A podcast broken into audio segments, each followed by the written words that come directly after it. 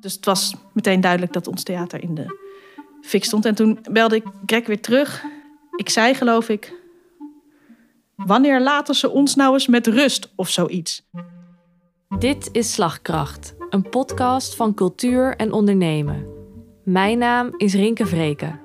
In Slagkracht hoor je iedere aflevering een persoonlijk verhaal van een zakelijk leider, marketeer of een andere ondernemende professional in de culturele of creatieve sector. Een verhaal over een belangrijk moment in hun carrière. In deze aflevering hoor je het verhaal van Janet van Lange. Ik ben Janet van Lange. Ik werk voor het NUT, het Nieuw Utrechts Toneel. En dat doe ik als zakelijk leider en als dramaturg. Het Nieuw Utrechts Toneel maakt vanuit Leidse Rijn in Utrecht voorstellingen over hoe de wereld van morgen eruit kan zien. En laten zich inspireren door het verleden. En, en Greg zei later tegen mij: uh, Ja, ik dacht toen: Oké, dit was voor Janet de druppel. Dit, nu, nu ligt ze eraf. Nu raakt ze in een burn-out of wil ze niet meer. Of... Want wat doe je als je je bed uit wordt gebeld en hoort dat de plek waar je werkt er niet meer is?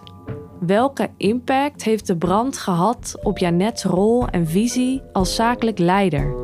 Je hoort het in deze aflevering van Slagkracht.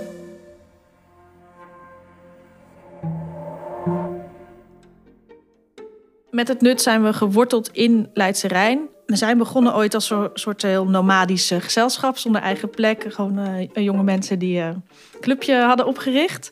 Inmiddels zijn we uitgegroeid naar een organisatie met um, een stuk of acht uh, medewerkers die um, in continuïteit aan ons verbonden zijn. Eigenlijk vanaf 2017 toen ik erbij kwam als eerst zakelijk coördinator en daarna zo doorgegroeid naar zakelijk leider, maakten we echt een soort, zaten we in een groeistuip. En uh, knalden we ook uit uh, ons kantoortje wat we toen hadden. Toen um, kreeg ik als taak zoek nieuwe huisvesting voor het nut. Dat is in een Phoenixwijk heel erg lastig, bleek. Dat uh, wist ik niet toen ik het taakje kreeg. Maar um, alles wat gebouwd wordt, heeft al een bestemming. En leegstand ja, is er eigenlijk niet, want er was eerst nou ja, kassen en weilanden. En toen kwam ik in 2018 ongeveer in aanraking met de ontwikkeling op het Berlijnplein. Cultureel kavel wat een, um, ja, een bestemming moet, culturele bestemming moet krijgen en culturele bebouwing. Nou, het klonk natuurlijk echt fantastisch. Dat is het ook. Het is ook heel ingewikkeld. Maar goed, inmiddels uh, zijn we in uh, 2020 geland op dat plein. In een wat we tijdelijk paviljoen noemen, waar we een kantoorruimte hebben en een presentatiestudio. Dus eigenlijk een mini-theaterzaaltje.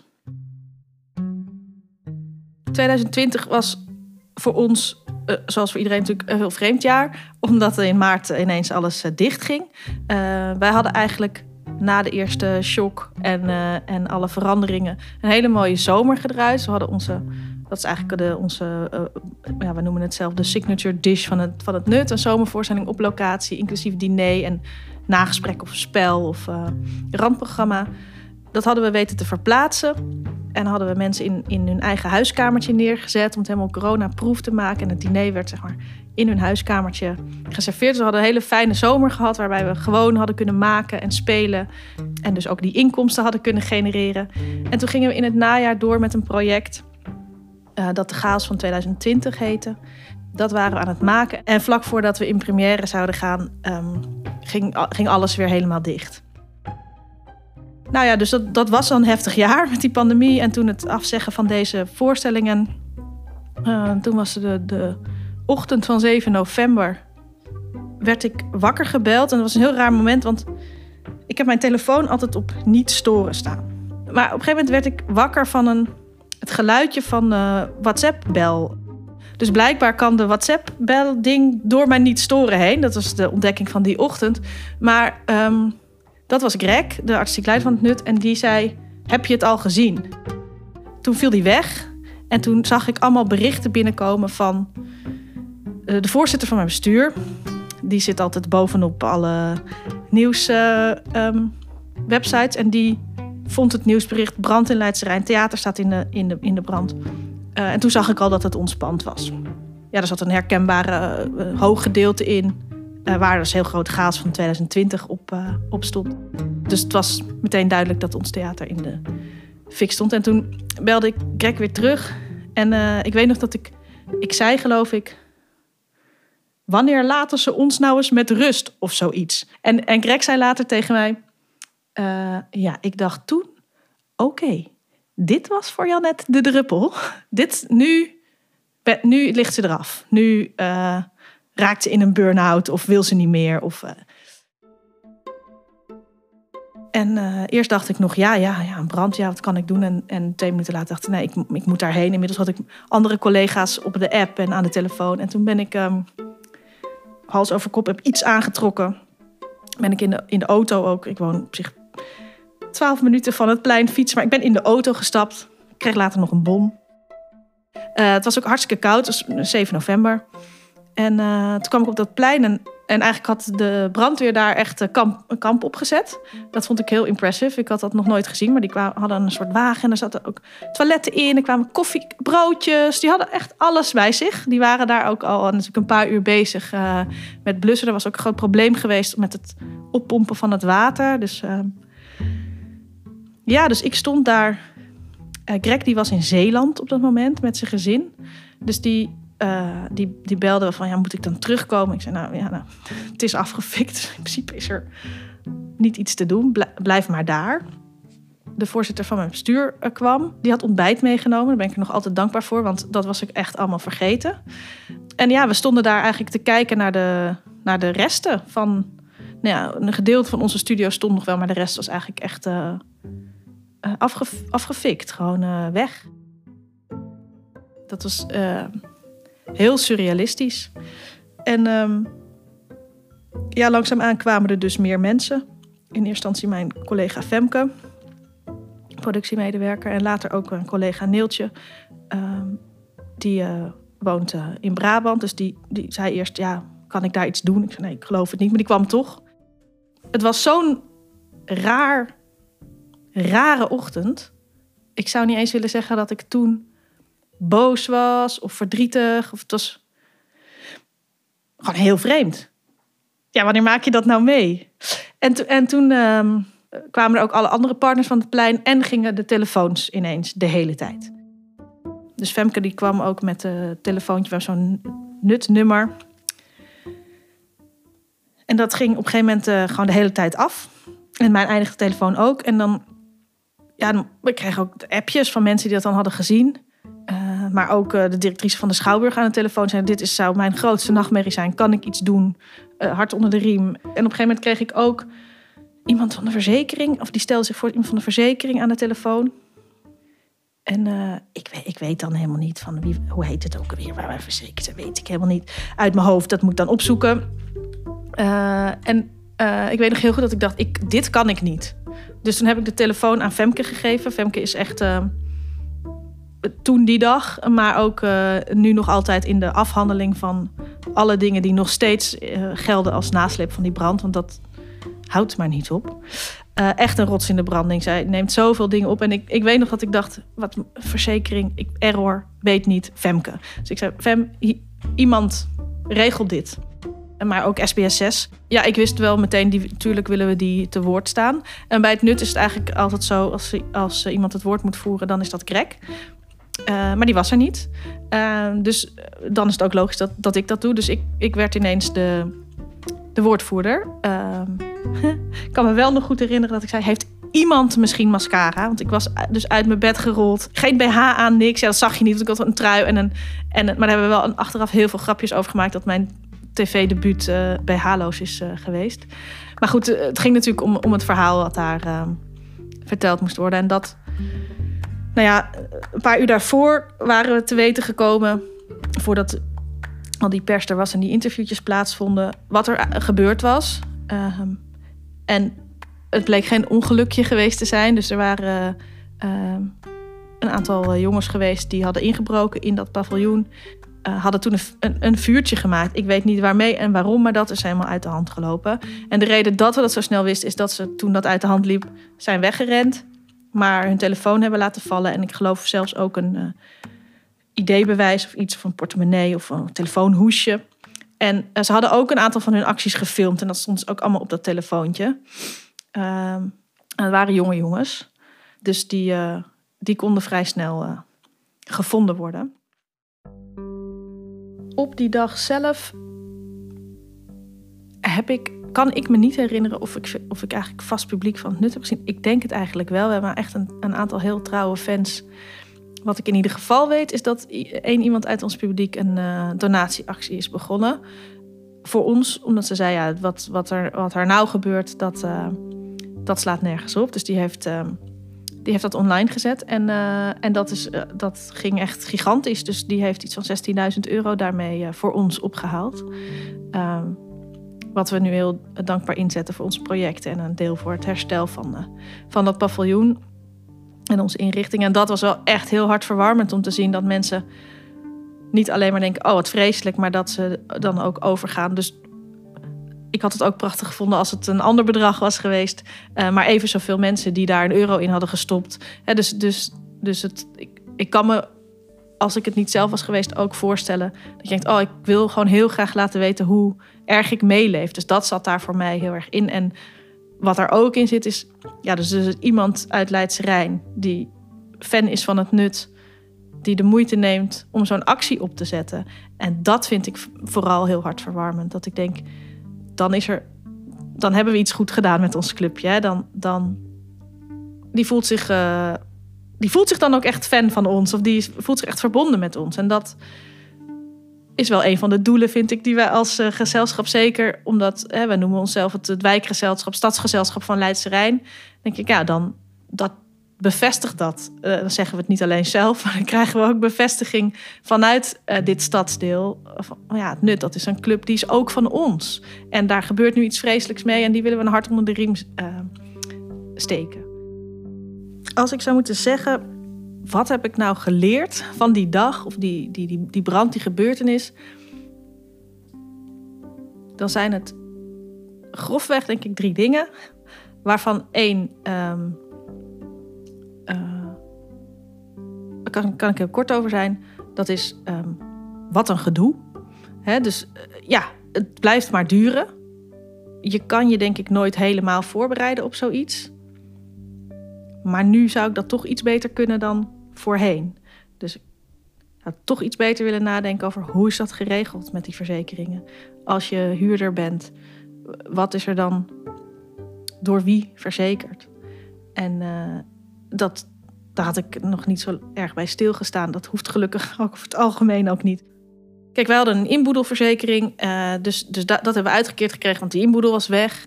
Maar wat is inboedel? Als je bijvoorbeeld een theaterzaal hebt waarbij je een balletvloer hebt laten leggen of gordijnen hebt opgehangen, dat zit vast eigenlijk aan het pand. Dus dat is van, voor de verzekering geen inboedel.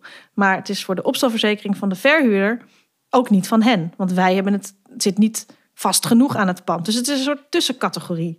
Nou, en daarmee kom, kan ik een mooi bruggetje maken naar het tweede punt. Ik ga niet aan op deze problematiek. Uh, zou misschien mijn werk moeten zijn. Ik uh, heb heel veel moeite daar naartoe te bewegen. Uh, mijn collega Femke, ik had, het, ik had al eerder over haar, die kan dat. Die komt overigens ook, ironisch genoeg, uh, niet uit de theatersector, maar heeft voordat ze bij het Nut kwam werken bij een brand- en waterschadebedrijf gewerkt. Ja, je verzint het niet, maar het is wel zo. Nou, die, ik gaf haar niet voor niets die telefoon met die verzekeraar. en zij heeft nog steeds dit dossier onder haar hoede. En mijn punt hiervan is, dat ik echt geleerd heb van dit, deze gebeurtenis dat iedereen zijn eigen kwaliteit heeft.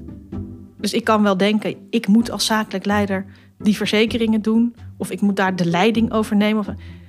Maar waarom? Ik heb er geen affiniteit mee en dat helpt helemaal niet als je een dossier moet aanpakken, want bij mij stroomt er dan niks aan proactiviteit of creativiteit waarmee je, wat mij betreft, elk dossier moet aanpakken. En bij Femke wel. Dus, dus dat ligt daar. Dus dat is, dat is een inzicht. Ik zou haast willen zeggen, een, een, een soort van visie die ik misschien sluimerend wel had, maar die ik nu door die gebeurtenis heel veel zekerder weet. En dat sluit ook aan bij het derde. Dat is, ik hou niet van hiërarchie. Ik hou er niet van. Ik wil het niet hebben. Ik wil niet in een organisatie werken die op die manier is opgebouwd. En uh, ja, ik, ik ben dan nu zakelijk leider of zakelijk directeur van het NUT. Dus tuurlijk heb ik daarmee een aantal verantwoordelijkheden. Zullen een aantal eindkeuzes bij mij liggen. Of bij mij en Greg, met wie ik de directie vorm. Maar dat, zou ik nooit hierar dat, benader ik nooit hiërarchisch. Uh, en op die dag van die brand, waarbij ik dus met twee van mijn collega's alle dingen die langskwamen moest oppakken, in een split second bedenken. Daar voelde ik gewoon. Ieder kan op zijn eigen, niet, niet alleen expertise, maar ook karakter. Gewoon wie ben je? Waar beweeg je naartoe en waar beweeg je van weg? Dat in zo'n crisissituatie, wat het eigenlijk is, gaat dat vol automatisch. En dat vind ik zo'n ongelofelijke kracht. En ik geloof er echt in, zeker voor een, een organisatie zoals een theatergezelschap, dat dat het uitgangspunt zou moeten zijn. En niet een organogram. Ik zie eigenlijk zowel een uh, versterking of een, een, een kracht.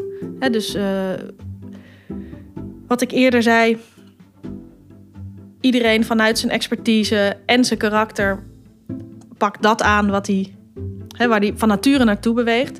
Dat voelt iedereen en daardoor voel ik heel veel kracht in de organisatie en tegelijkertijd heel veel mildheid en zorgzaamheid. Omdat, zeker gedurende die dag, we waren daar met z'n drieën vanuit het nut, of eigenlijk met z'n vieren met de voorzitter erbij. En het is een hele rare, emotionele rollercoaster. Om's de beurt troosten we elkaar. Ik kon met droge ogen een tv-interview geven. Maar dan had ik voor de derde keer het verhaal gedaan. En dan brak ik. En dan werd ik uh, opgevangen door mijn collega's. Nou, en, en zo waren voor hen ook momenten waarop, dat, waarop zij een arm of een schouder nodig hadden. En dat is, vind ik heel erg gebleven. En dat kan ook als je niet aan hiërarchie doet in je bedrijf. Dus dan is zwakte, of zwakte, kwetsbaarheid geen zwakte, zo ik moet het goed zeggen. Dan is kwetsbaarheid geen zwakte. Dat is overigens ook iets wat ik, om dan toch iets persoonlijker te worden, wat ik heel lang zelf heb gedacht. Ik dacht tranen, het niet weten, verdriet. Als je dat laat zien, dan ben je zwak. Hij is natuurlijk niet zo. Dat, dat was een traject wat ik daarvoor alles gelopen had. Uh, privé, persoonlijk. En um, dat kwam nu weer naar voren. En ik, en ik vind dat dat past ook weer helemaal bij een open en transparante organisatie zijn. Dus als, als het tegen zit, of als je het niet weet, of als je een fout hebt gemaakt, of als je gewoon uh, zomaar even verdrietig bent, dan is dat delen, uh, dat kan rekenen op mildheid en op zorgzaamheid. Ja, ik denk dat we dat wel, dat dat echt dat coronajaar en zeker de klapper van de brand die daar nog eens overheen kwam, dat dat dat echt versterkt heeft. En dat dat dus ook ons team versterkt heeft. En ik denk ook dat, want we zijn inmiddels, is het nut weer wat, wat, wat groter. Dat iedereen die erbij komt, en dat durf ik wel bijna met zekerheid zeggen, die voelt dat. Dat heeft die brand wel versterkt. Met het nut zijn we gehuisvest in het, wat we noemen tijdelijke paviljoen. Dat stond er in 2020. Dat is afgebrand en dat is uh, nu opnieuw opgebouwd met uh, verzekeringsgeld dat de verhuurder heeft uh, ontvangen. En dat staat er eigenlijk bijna hetzelfde als toen. Er zijn een paar kleine aanpassingen gedaan. Het heeft een ander kleurtje. En het staat op een plek op dat hele grote cultuurkavel. Moet je je voorstellen, dat is ja, 9000 vierkante meter. Wat zou het zijn? Twee voetbalvelden of zoiets? Nu zijn er ontwerpen. Een ontwerpfase is er gestart. De planning nu is dat er in 2025 een cultuurcluster opgeleverd wordt. En dat cultuurcluster, daar komt ook een ruimte die wij aan het ontwerpen zijn. Dat heet nu eh, de NU, de Nieuwe Utrechtse Theaterruimte. Uh, maar daar komt ook een expositieruimte. Er komen ook ateliers voor kunstenaars. Uh, er komt een danshuis. Uh, met een grote theaterzaal en uh, verschillende dansstudio's. Ons idee met de nu, wat er in 2025 moet staan, is dat het een huis is van makers. Dus het moet een, een plek zijn waar veel programma is, um, waar de makers, uh, en wij zelf dus ook, de ruimte en de tijd krijgen om in die ruimte te, te maken en te repeteren en ook te presenteren waar je je uitgenodigd voelt om, om binnen te komen en mee te denken en te ervaren waar we over nadenken.